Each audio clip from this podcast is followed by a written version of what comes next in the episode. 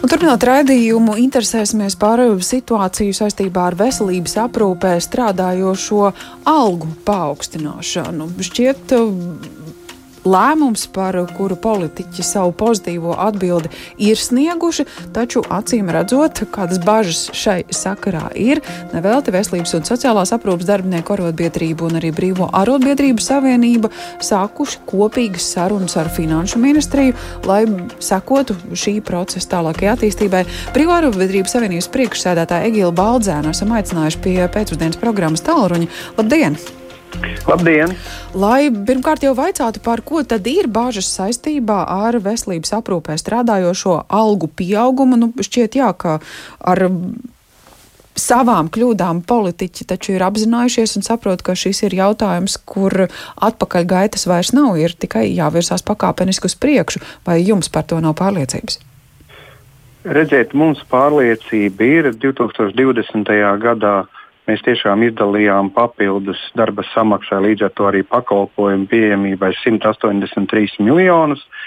Bet uh, tas modelis, ko patreiz uh, ik pa mirklim mēģina iesniegt, tur gan Latvijas Brīvā arotbiedrības savienībai, gan mediķa arotbiedrībai, valda kera personā, gan arī slimnīcu biedrībai, tātad arī darba devējiem, ir pamatot iebildumi divos virzienos, un es tos godīgi esmu klāstījis arī ministra kabineta sēdē no tādām radikālākām pozīcijām nekā varbūt veselības ministrija.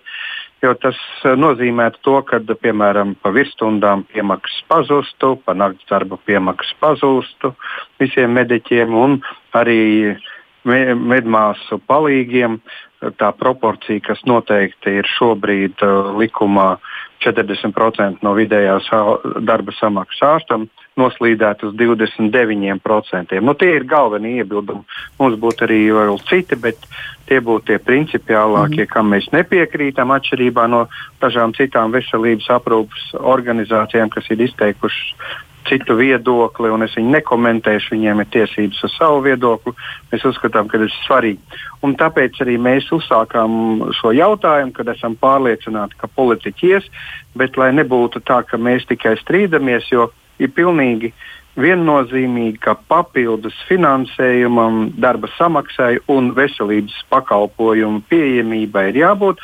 Un mūsu saruna rezultātā ar Finanses ministriju mēs esam tādu, tādu vienošanos panākuši, ka tas noteikti būs, bet uh, nevajadzētu steigties ar kādiem solījumiem, un, un, uh, jo ir tomēr mums visiem sarežģīta situācija. Mm -hmm. Un, uh, kas ierobežo tautsēmniecībā, ir īpaši, kas ierobežo pieejamos finansu resursus, bet tas, kad uh, šīs papildu finansējums būs, kad darba samaksa pieaugs, arī pieaugs uh, pakalpojumu pieejamība. Tas ir viennozīmīgi.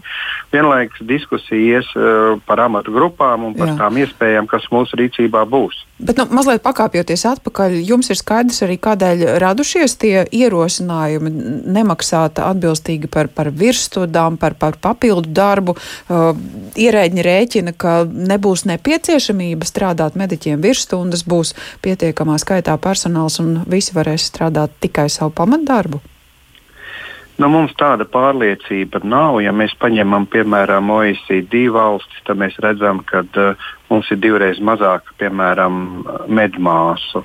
Mums trūkst arī medmāsu palīga, trūkst ārstu. Tad, tad skaidrs, ka mums šī situācija ir gada desmitiem, jāsaka, gandrīz ne, no nu, dažu gadu desmitiem ne, ir ielaista un to zibenīgi atrisināt nevar. Jo veselības aprūpē jau arī izglītība un pieredze būst uh, ļoti teiksim, tā, ilgākā periodā nu, nekā vidēji uh, kādā profesijā. Protams, tāda, kas sasniedz nepieciešamo līmeni. Nu, mēs no savas puses gan vienīgi gribam teikt arī to, ka uh, tiešām ir arī virkni labu sasniegumu, kas ir saistīti arī ar šīm visām piemaksām, kas ir bijušas. Ja, ka, piemēram, 2020. gadā ārstu vidējā darba samaksa ir sasniegusi koeficientu divas vidējās tautsājumniecībā, un māsu alga arī šo koeficientu 1,1, ko mēs jau ļoti senā laikā savulaik vienojāmies. Toreiz finanses ministrs toreiz bija Gunārs Bērziņš, un mēs tādus koeficients arī mm. virzījām un uh, nonācām pie tā rezultāta, ka tādiem vajadzētu būt. Un tagad mēs redzam, ka tas ar Eira kunga laikā tiek uh, īstenots.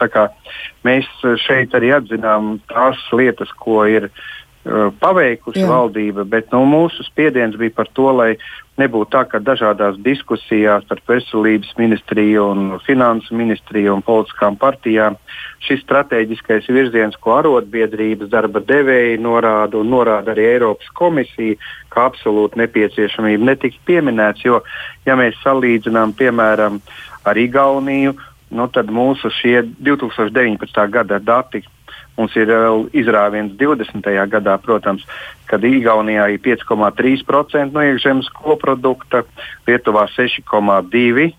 Mhm. Procenti, nu, mums ir 4,2%, bet tas ir 2019. Mums ir cipars noteikti uzlabojies 20. gadā, bet vienalga ne tik daudz, lai mēs sasniegtu kaut vai, vai tuvotos pietiekami nopietni Igaunijai.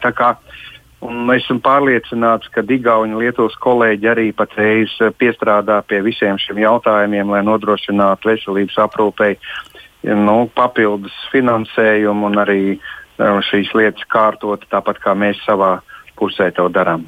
Nu jā, un uh, tas ir jautājums, kuru risināt un kuram uzmanību pievērst, protams, aicina daudzas organizācijas, mediķu organizācijas arī ar valsts prezidentu šomēnes ir tikušās, lai atgādinātu par to, ka veselības aprūpas nozarei ir nepieciešams papildu finansējums. Un tas, ko jūs šobrīd arī jau iezīmējat, uh, tā maigi norādot, ka valstī nav tas vieglākais laiks, tas ir tas, par ko runā arī mediķi, aicinot domāt par, par, par sabalansētu budžetu un atcerēties tās veselības aprūpas vajadzības. Pēc eh, tikšanās ar, ar finanšu ministru kāda jums ir sajūta tā budžeta veidošana un tas finansējums, kas šobrīd ir bijis nepieciešams, lai atbalstītu tās nozeres, kuras vispār nav varējušas strādāt, nu, cik uh, liels uh, faktors tas varētu būt vajadzībai nākamgad rēķināties ar to, ka pieaugums varētu būt mazs, lai neteiktu, ka varbūt tā nebūs nemaz? Nu, es neteikšu, ka viņš būs nemaz un ka viņš būs mazs. Viņš būs, eh, manuprāt, pietiekami samērīgs un pietiekami liels ar tām reālajām iespējām.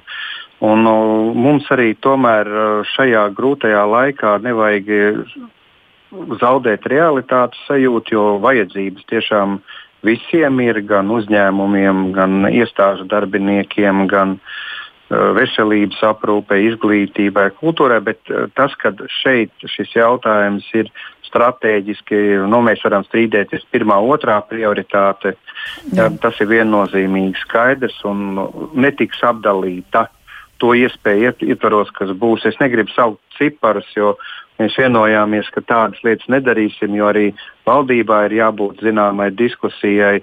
Bet uh, tas, ka uh, finansu ministrija uh, praktiski viennozīmīgi pārstāv to domu, ka ir jābūt šim papildus finansējumam.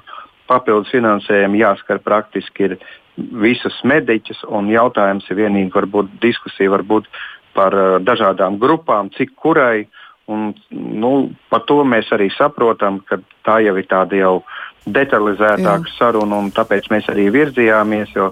Mūsu tā lieta bija tāda, ka uh, un vēl arotbiedrības 26. martā Kera, valda Kera kunga personā uzrunāja ministru mm. veselības nozara strateģiskās padomas sēdē, bet tajā pašā laikā, nu, lai cik sarežģīts būs šis stāvoklis, pagaidām nekāda diskusija mm. nav bijusi, bet jautājumi nav atliekami bezgalīgā tālumā un viņi ir jāsāk risināt. Mēs no savas puses parādījām iniciatīvu un uzrunājam finansu ministriju un praktiski esam gandarīti par to, ka mēs redzam, ka uh, šeit nav tādas uh, nu, teiksim, taupības politikas, kas būtu lieka. Vai tas nozīmē, ka jūs iezīmējat jau nākamo reizi, kad jau konkrētākas sarunas par konkrētāku summu? Mēs noteikti neesam beiguši šo sarunu mm. raundus un turpināsim, un esam gatavi arī ar veselības ministriju runāt, bet mums ir arī trīspusējā sadarbības forma, kurā ir gan darba devēji, gan mēs. Mēs esam pārliecināti arī, ka veselības ministrs pie tās arī atgriezīsies. Un ne tikai citādākos formātos to visu runās, bet tas ir tas pats galvenais, ka mums ir jānodrošina divas lietas, ko arī Eiropas komisija ir uzsvērusi, ka pakalpojumu pieejamība un darba samaksa. Un es ļoti, ļoti ceru, ka beidzoties pēc kāda laika, protams, jāsaka, pandēmijas šai situācijai, mums nebūs tā, ka uh, mediķi būs atkal uz izķeršanu citās turīgākās Eiropas Savienības valstīs, un mums atkal aizplūdīs daudzi labi speciālisti prom. Tā būtu mums atkal viena tāda nopietna drāma, jo, protams, mums ir iespējas audzināt jaunus, bet mums ir jātaupa tie cilvēki, kuri jau mums šobrīd mm. trūkst.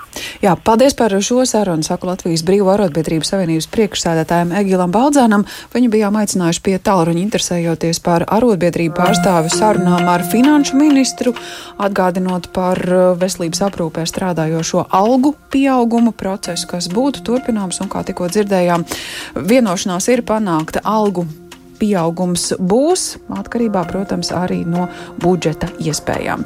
Process, kas iekustināts un tiek risināts.